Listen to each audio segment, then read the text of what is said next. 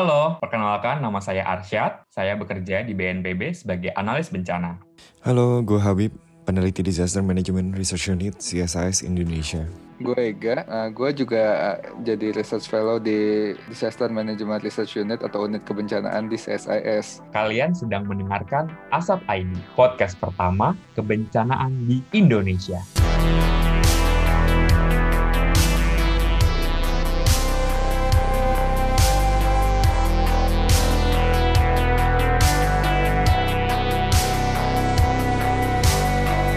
Ya, jadi hari ini kita mau bahas beberapa isu yang lagi hangat sekali dalam beberapa minggu terakhir. Di antaranya ada di tingkat internasional sama ada di tingkat nasional. Mungkin kita bisa mulai yang pertama, isu kebencanaan di tingkat internasional dulu kali ya.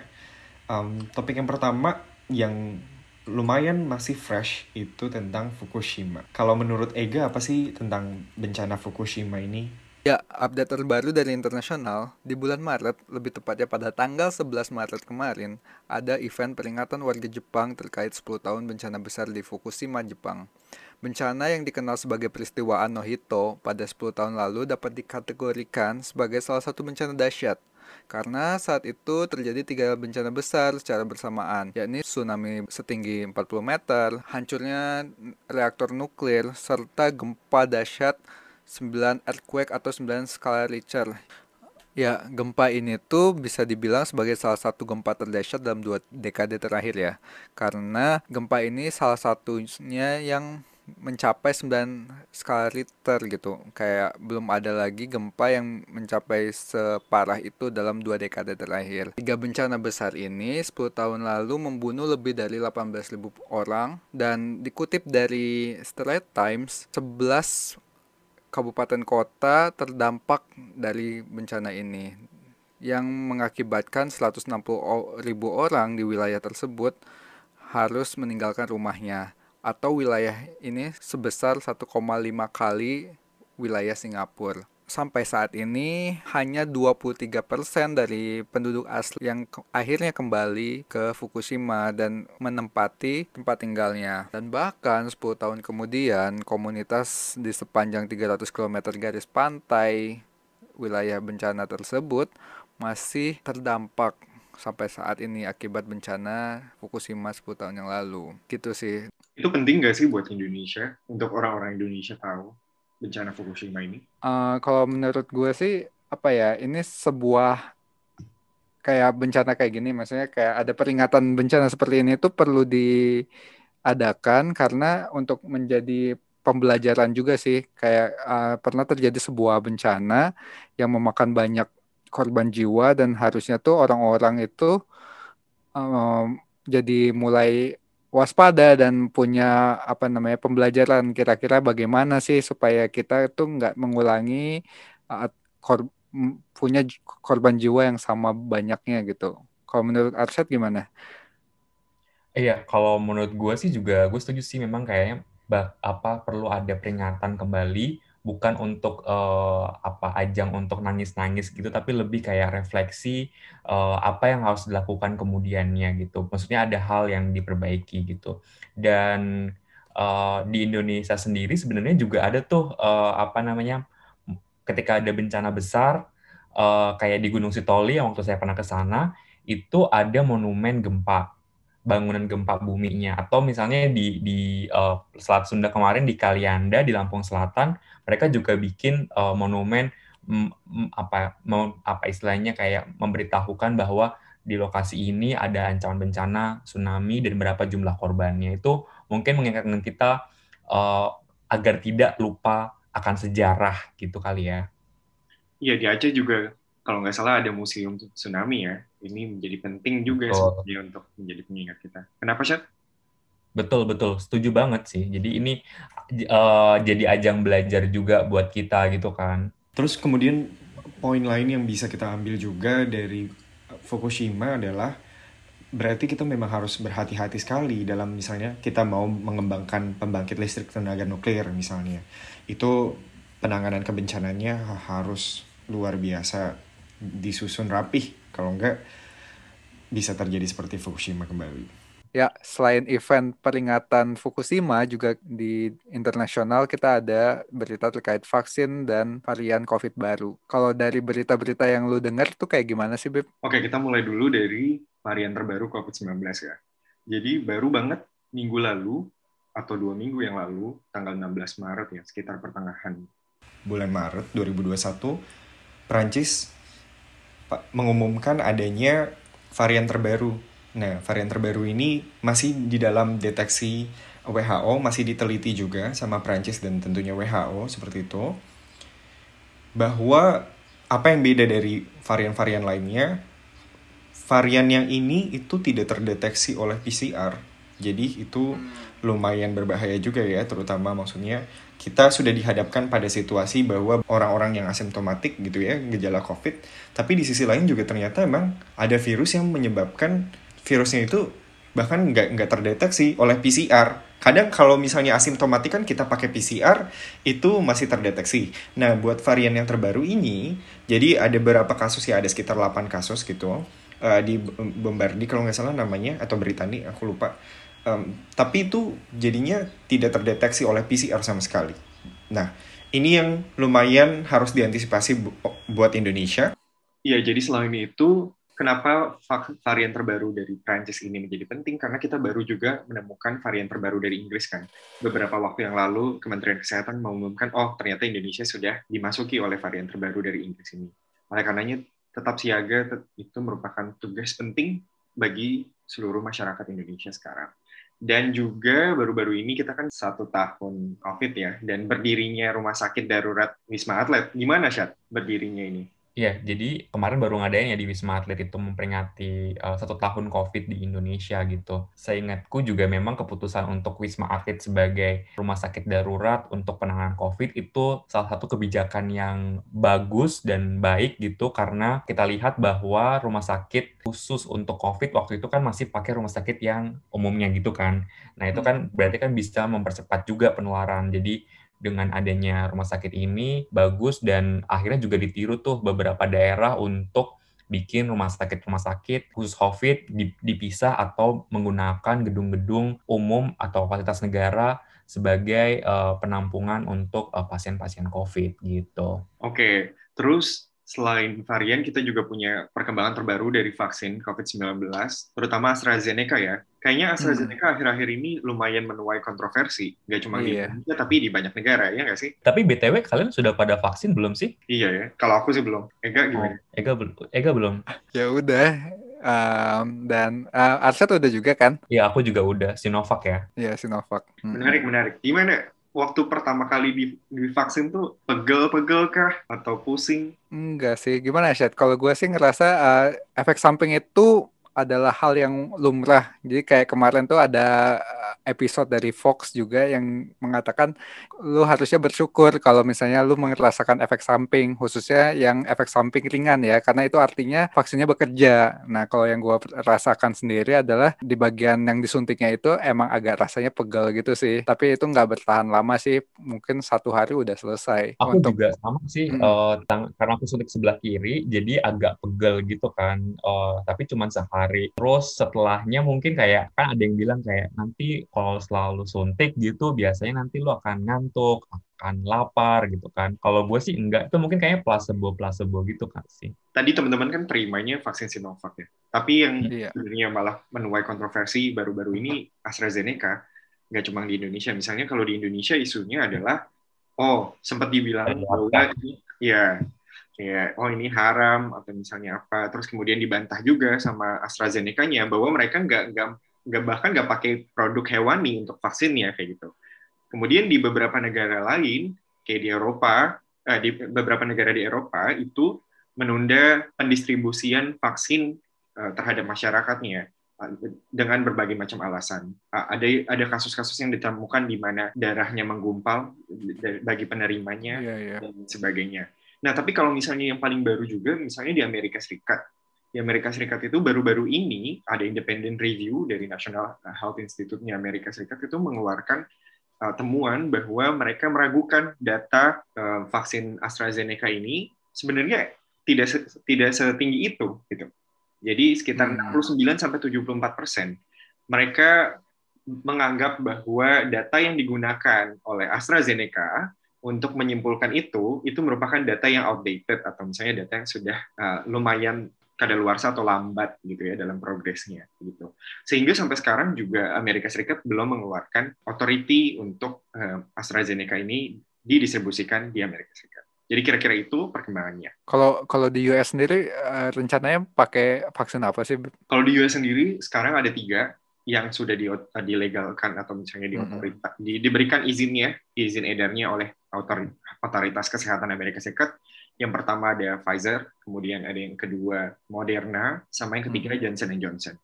Hmm. Perbedaannya jelas banyak ya. Misalnya ada bagaimana cara distribusinya, um, tingkat tingkat nah, cold chain ya, suhunya didistribusikan. Itu kalau nggak salah Pfizer itu butuh suhu yang paling dingin minus berapa minus 60 misalnya atau misalnya uh, kemudian yang Moderna ini tidak sedingin itu tapi masih tetap juga harus dingin minus 20 kalau tidak salah.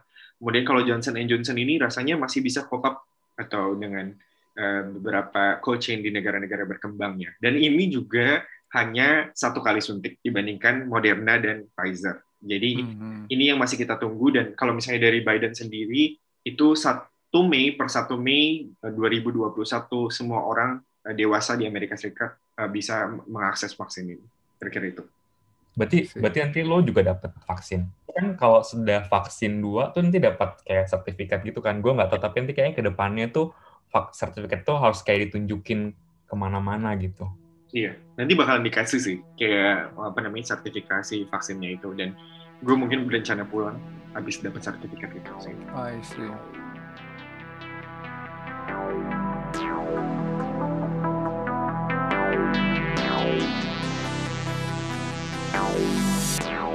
Ya, dari tadi kan kita udah dengerin nih perkembangan di tingkat internasional. Kita juga pengen tahu perkembangan penanggulangan bencana atau topik kebencanaan secara umum di tingkat nasional. Apa sih siat yang mungkin paling baru gitu ya, eh, baru-baru terakhir gitu? Ya, kalau yang paling baru sebenarnya adalah uh, kemarin di tangga, di awal awal Maret kemarin uh, di BNPB dan Indonesia khususnya untuk penanggulangan bencana kami baru mengadakan namanya Rakornas, gitu kan, Rapat Koordinasi Nasional Penanggulangan Bencana. Nah, sebenarnya sih agenda ini memang diadakan setiap awal tahun gitu, uh, hanya kemarin karena pandemi gitu, masih bingung tuh gimana format kegiatan Rakornasnya. Karena kalau lo masih ingat, Bip, waktu tahun lalu kan kita ngadain Rakornas tuh uh, dua hari ya, dan cukup yeah. besar ya. Mm-hmm. Uh, yeah. Semua stakeholder hadir gitu kan. Nah, dan yang saya yang aku lihat sebenarnya tujuan dari Rakornas ini cukup menarik sebenarnya. Jadi kayak sama-sama refleksi antar stakeholder, baik itu uh, kalau bisanya biasanya uh, Pak Kaban Kepala BNPB atau Pak Doni Monardo selalu menyampaikan bahwa pentahelix gitu kan. Hmm. Jadi uh, ajang rakor adalah ajang untuk refleksi antar kementerian lembaga, uh, media, masyarakat. akademisi, masyarakat, bahkan dunia usaha untuk join dalam kegiatan Rakornas. Nah, Rakornas sendiri ini kemarin dibuka oleh Pak Jokowi, hmm. gitu kan. Uh, kemarin acaranya ada sekitar lima hari, uh, dibuka oleh Pak Jokowi pada tanggal 3 Maret, lalu di hari kedua, ketiga, keempat, dan kelima itu adalah agenda yang namanya knowledge sharing gitu kan. Uh, kegiatan dari kegiatan ini serba online, jadi pesertanya lumayan banyak kemarin uh, karena kebetulan aku juga jadi panitia itu ada sekitar 10.000 orang gitu yang join uh, selama lima hari itu full rakornas jadi ada sesi pagi, kalau sesi pagi itu kita bicara terkait dengan kebijakan nasional gitu. Jadi uh, senang sekali sih karena semua kementerian, Pak Luhut hadir, uh, hmm. Pak Sandiaga Uno, jadi semua kementerian, menteri-menteri juga hadir dalam sesi rakornas. Nah, kalau apa yang membedakan dengan sesi yang sesi siang, uh, jam satu itu sampai jam 4 itu adalah uh, sesi siang mengangkat cerita-cerita dari daerah, implementasi praktik baik gitu kan yang bisa jadi pembelajaran buat kita semua. Nah, uh, di sesi itu tuh topiknya ada banyak macam. Ada soal terkait dengan bencana geologi, hidrometeorologi, bencana non alam uh, yang hangat adalah misalnya pandemi COVID-19, dan juga ada tata kelola penanggulangan bencana.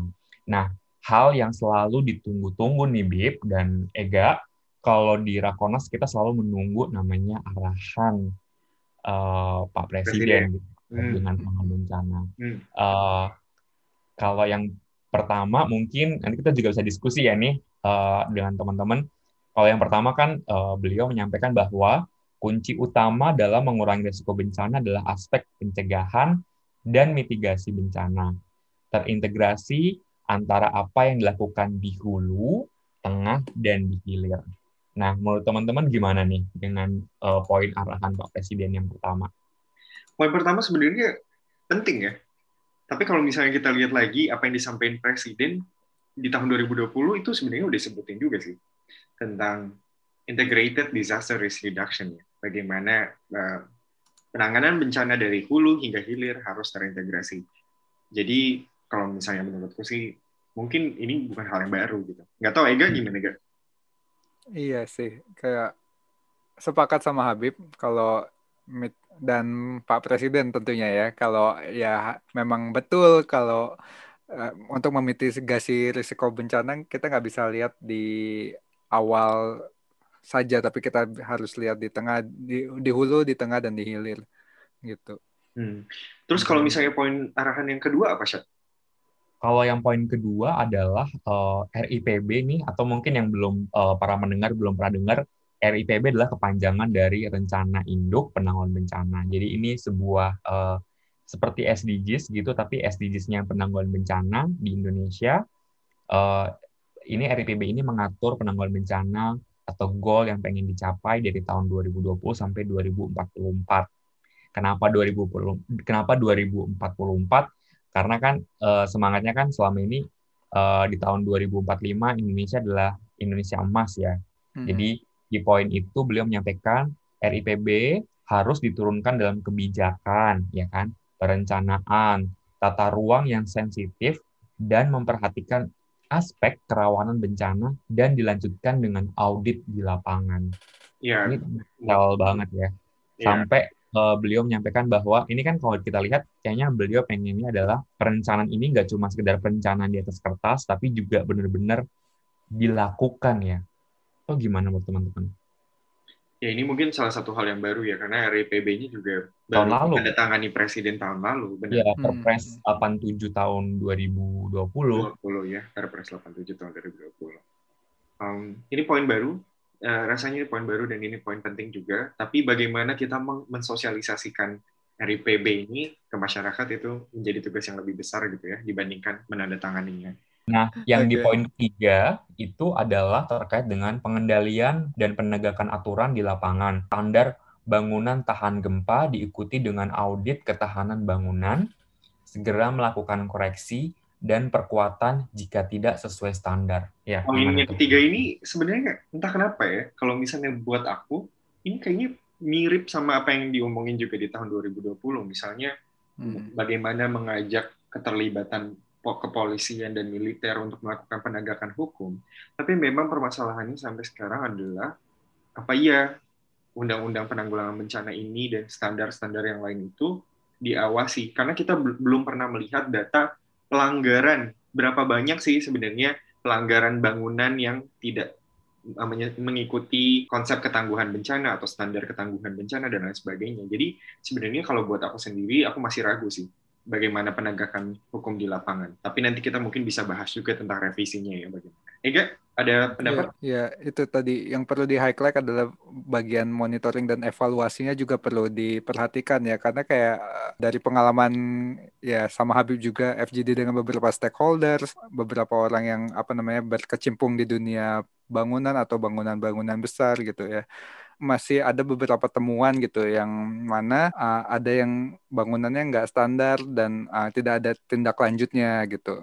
Harusnya yang tadi ada proses monitoring evaluasi serta penegakan yang lebih konkret gitu dan bagus perlu juga untuk media lebih meng-spotlight ini juga biar terlihat juga ada sih bentuk-bentuk penegakan aturan yang terjadi di lapangan gitu. Ya aku jadi ingat ini ya ketika gempa Sulbar kantor hmm. gubernurnya roboh kan Iya gak sih? Iya, iya. tahun 2021 ini. Ini yang menjadi pertanyaan buat kita semua, bagaimana pemerintah daerah tidak hanya melakukan inspeksi terhadap bangunan yang dibangun oleh masyarakat, tapi juga dibangun sama stakeholder pemerintah juga di daerah. Mm -hmm. Kita tahu akan ada piloting insurance ya, disaster insurance kayak yang sudah dijalankan oleh Kementerian Keuangan uh, sejak tahun 2018 kalau nggak salah ya, atau 2019 saya lupa. Tapi kemudian ini diturunkan ke tingkat daerah menjadi tugas yang cukup berat gitu ya. Tidak hanya melakukan pengawasan terhadap bangunannya, tapi bagaimana menjamin uh, bangunannya kalau misalnya terjadi bencana itu pemerintah tidak lagi yang menjadi penanggung tunggal gitu. Karena ujung-ujungnya nanti dana dana APBN, dana APBD akan habis untuk rekonstruksi rekonstruksi kemudian rehabilitasi saja. Hmm. Kemudian ada poin apa lagi, Syed, dari arahan presiden ini? Uh, poin keempat, itu berkaitan dengan uh, rencana kontingensi dan operasi saat tanggap darurat harus dapat terimplementasi dengan cepat. Kemampuan melakukan rehabilitasi dan rekonstruksi yang cepat harus terus diperbaiki. Hmm. Menarik, hmm. menarik, menarik.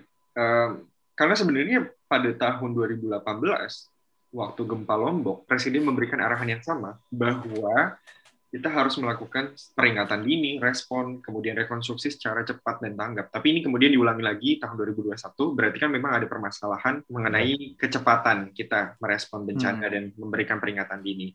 Jadi memang harapannya um, bisa bergerak apa ya? Bencana ini kan melewati batas-batas birokrasi dan administrasi. Jadi harusnya itu bisa kita kompromikan ya. Nah, gimana gak? Atau... Kalau menurut gue sih uh, selain cepat juga mungkin harus akurat atau tepat ya. Karena uh, tadi berdasarkan ya riset yang pernah gue lakukan terkait rekonstruksi atau bouncing back ini, tiap bencana ini memiliki karakteristik yang berbeda sehingga proses bouncing backnya tuh juga beda-beda. Ada yang mungkin bisa lebih baik lagi, maksudnya um, ada kita kenal istilahnya creative destruction. Ternyata bencana tersebut bisa bikin suatu daerah itu berkembang pesat. Jadi tadi yang infrastrukturnya tadinya jelek diganti sama bantuan-bantuan yang infrastrukturnya lebih baik lagi. Itu kan artinya ada perbaikan ya. Nah, itu tapi tiap uh, bencana punya karakteristik yang berbeda. Misalnya kayak banjir. Banjir kan uh, maksudnya nggak terlalu parah ya. Dan tapi efek rusaknya tetap ada gitu jadi kayak nggak bisa serta merta diganti dengan barang-barang yang lebih advance, yang lebih bagus. Ya tadi perlu kita perlu lihat secara akurat juga selain cepat gitu. Menurut gue sih gitu sih. Kalau Arsad ada pandangan? Kalau aku terkait dengan rencana kontingensi dan operasi sangat tanggap darurat ini adalah um, bahwa COVID ya uh, sedang ada di antara kita dan kita harus memperjuangkannya untuk bisa tuntas gitu. Tapi mm -hmm. tidak boleh dipungkiri juga bahwa kondisi bencana bencana alam di Indonesia itu makin tahu makin lama makin meningkat gitu kan uh, dan di mana uh, isu-isu yang yang yang saya temui adalah bahwa uh, ada kebijakan terkait dengan refocusing pendanaan anggaran gitu kan yang mm -hmm. akhirnya daerah-daerah yang awalnya pengen membuat perencanaan kontingensi dan uh, atau misalnya rencana penanggulangan bencana RPB kajian risiko bencana atau KRB itu tidak bisa melakukan kegiatan, uh, tidak bisa merencanakan dokumen perencanaan tersebut karena dananya refocusing. Jadi kita tidak boleh lengah, harus harus mencari strategi lainnya sebenarnya untuk tetap harus punya tuh uh, rencana kontingensi karena kan sebenarnya rencana kontingensi ini cukup detail ya karena dia menjabarkan hanya satu ancaman bencana saja gitu. Ya, setuju banget sih sama Arsyad. Um, bahkan dari Maret 2020 itu awal-awal kita masuk COVID, aku udah bilang bahwa Indonesia harus siaga multi bencana. Jadi nggak cuma hanya bencana COVID, tapi juga bencana-bencana alam lainnya kan nggak mungkin pandemi menghentikan bencana alam terjadi di Indonesia karena itu emang udah karakter alamiahnya negara ini gitu kan. Tapi permasalahannya adalah tadi sudah disebutkan sama Arsyad bahwa banyak anggaran yang kemudian di, dialihkan untuk penanganan COVID. Padahal menurutku bahwa penanganan bencana itu anggarannya tidak boleh dialihkan dalam kondisi apa pun gitu ya. Karena bencananya ini tidak berhenti gitu kan. Kecuali kalau hmm. misalnya silahkan alihkan pos-pos yang lain tapi untuk penanggulangan bencana karena kita tahu anggaran bencana itu terbatas dan jumlahnya relatif sedikit kalau misalnya udah masuk ke tingkat daerah. Jadi kalau misalnya yang sedikit saja direlokasi kemudian kita penanggulangan bencananya bagaimana kita mau bisa jadi cepat gitu bahkan nggak nggak perlu untuk ngomongin tentang teknologi gitu pengadaan teknologi pengadaan pengadaan yang sederhana untuk misalnya merespon ada longsor kemudian menggunakan traktor dan lain sebagainya sewanya itu juga di beberapa daerah mengalami kesulitan. Jadi poin penting dari sini adalah kalau misalnya memang kita mau menciptakan early warning system dan respon yang cepat dan akurat kita nggak boleh tuh melakukan relokasi anggaran kebencanaan dalam kondisi apa pun gitu. Itu menurutku Kemudian yang terakhir, mungkin ada yang terakhir ya, uh, poin arahan presidennya nggak sih? Ya, tadi kan uh, poinnya nomor empat ya. Kalau poin nomor lima adalah sistem peringatan dini harus dicek, bekerja cepat dan akurat, kecepatan respon harus terus ditingkatkan. Ya, tadi menyambung yang kamu tadi ya. Hmm. Um, tadi mungkin sudah ditambahkan, jadi mungkin kita bisa masuk ke poin yang nomor enam kali ya. Iya. Yeah, yang yeah. poin enam adalah uh, edukasi dan literasi kepada masyarakat mengenai kebencanaan harus terus ditingkatkan dari lingkup keluarga, melakukan simulasi daerah yang rawan sehingga warga semakin siap menghadapi bencana. Iya, kalau misalnya yang ini sama buat aku ini kurang, ini nggak ada elemen kebaruannya karena kalau misalnya aku lihat sama Rakornas BNPB tahun 2019 ini udah pernah diomongin sama Presiden. Tapi dibawa lagi tahun 2021 lagi-lagi menurutku masih ada permasalahan di situ. Tentang bagaimana sebenarnya edukasi kebencanaan ini harus sifatnya tailored. Artinya nggak bisa one solution fits all nggak bisa pakai satu model edukasi bencana untuk semuanya. Kayak entah dengan penggunaan bahasa-bahasa yang uh, scientific gitu bahasa-bahasa sains tapi bahasa yang lebih mudah untuk dipahami. Uh, sebenarnya ada satu hal yang bisa kita tarik pelajaran dari pandemi COVID-19 ini, di mana gugus tugas atau satuan tugas COVID-19 menerbitkan panduan pencegahan COVID hmm. dalam 77 bahasa daerah ya. Ini juga, yeah. juga menjadi salah satu poin penting pelajaran bagi kita ketika misalnya penanganan bencana setelah pandemi COVID-19. Hmm. Gimana? Uh, gue nggak tahu sih kayak uh, selain 77 bahasa daerah itu kira-kira ada juga nggak sih yang sifatnya lebih untuk misalnya yang tuna tunarungu gitu. Hmm. Karena kan uh, hmm. apa namanya kita harus inklusif ya karena khususnya orang-orang penyandang komunitas penyandang disabilitas ini adalah komunitas yang cukup rentan terhadap bencana dan perlu juga mendapatkan informasi-informasi terkait kebencanaan. Menurut gue itu jadi satu satu masukan juga sih buat dari gue kayak uh, itu perlu jadi catatan penting karena orang-orang ini cenderung tereksklusi dari informasi-informasi layanan umum khususnya kayak ini loh nih apa namanya informasi terkait kebencanaan gitu. Iya. Kalau Arsyad gimana? Iya gimana sih? Kemarin aku juga lihat di BNPB juga memproduksi video sosialisasi uh, dalam bentuk bahasa uh, Bali gitu kan. Hmm. Menarik sekali karena dia edukasi terkait dengan perencanaan apa namanya edukasi uh, COVID itu apa, terus bagaimana cara menghadapinya gitu. Terus juga untuk yang inklus bagaimana agar edukasi literasi ini bisa inklusif, aku setuju memang uh, apa teman-teman dari uh, disabilitas juga perlu akses informasi edukasi dan literasi kemarin sih dari teman-teman dari Lean On, sebuah lembaga gitu, dia memang juga concern dengan terkait hal tersebut. Mereka hmm. mengedukasi uh, rekan-rekan dari yang difabel ini, baik secara misalnya tunanetra dan segala macam, mereka edukasi uh, pendampingan langsung juga. Bahkan tidak cuma itu, mereka juga membantu memberikan informasi atau edukasi kepada teman-teman yang marginal gitu. Uh, apa misalnya LGBT, uh, waria gitu-gitu karena mereka juga cukup rentan ya misalnya gitu. Iya menarik sih. Mungkin mau menambahkan dikit aja. Sebenarnya udah ada beberapa langkah yang diambil pemerintah pastinya untuk meningkatkan aksesibilitas informasi bagi teman-teman disabilitas terutama informasi bencana ya. Misalnya hmm. ada beberapa pemerintah daerah yang pasang kalau misalnya di musola-musola teman-teman pernah lihat speaker kan itu juga toa ya. Iya toa gitu ya entah itu untuk penanganan banjir atau entah itu untuk penanganan longsor, sudah ada beberapa pemerintah daerah. Ini mungkin bisa menjawab tantangan untuk misalnya teman-teman yang tunanetra, tapi teman-teman yang mungkin uh, disabilitas lainnya juga harus dipikirkan lagi gitu ya, terutama bagaimana evakuasinya kayak gitu kan, kayak dan lain sebagainya. Betul. Mungkin Jawa Tengah sudah memberikan contoh yang baik ya kalau nggak salah penanganan bencana alam di Jawa Tengah itu Iya. Bahkan di Jawa Tengah kemarin aku habis dari Jawa Tengah itu uh, mereka sudah ada uh, empat unit layanan untuk uh, disabilitas di BPBD-nya. Hmm. Jadi memang ada empat BPBD yang mereka membentuk unit khusus terkait dengan disabilitas. Ini menurutku juga menarik karena jarang sekali rasa-rasanya uh, apa namanya BPBD atau tingkat lokal gitu, tingkat daerah mengangkat isu uh, disabilitas dan edukasi buat penanggulangan bencana gitu.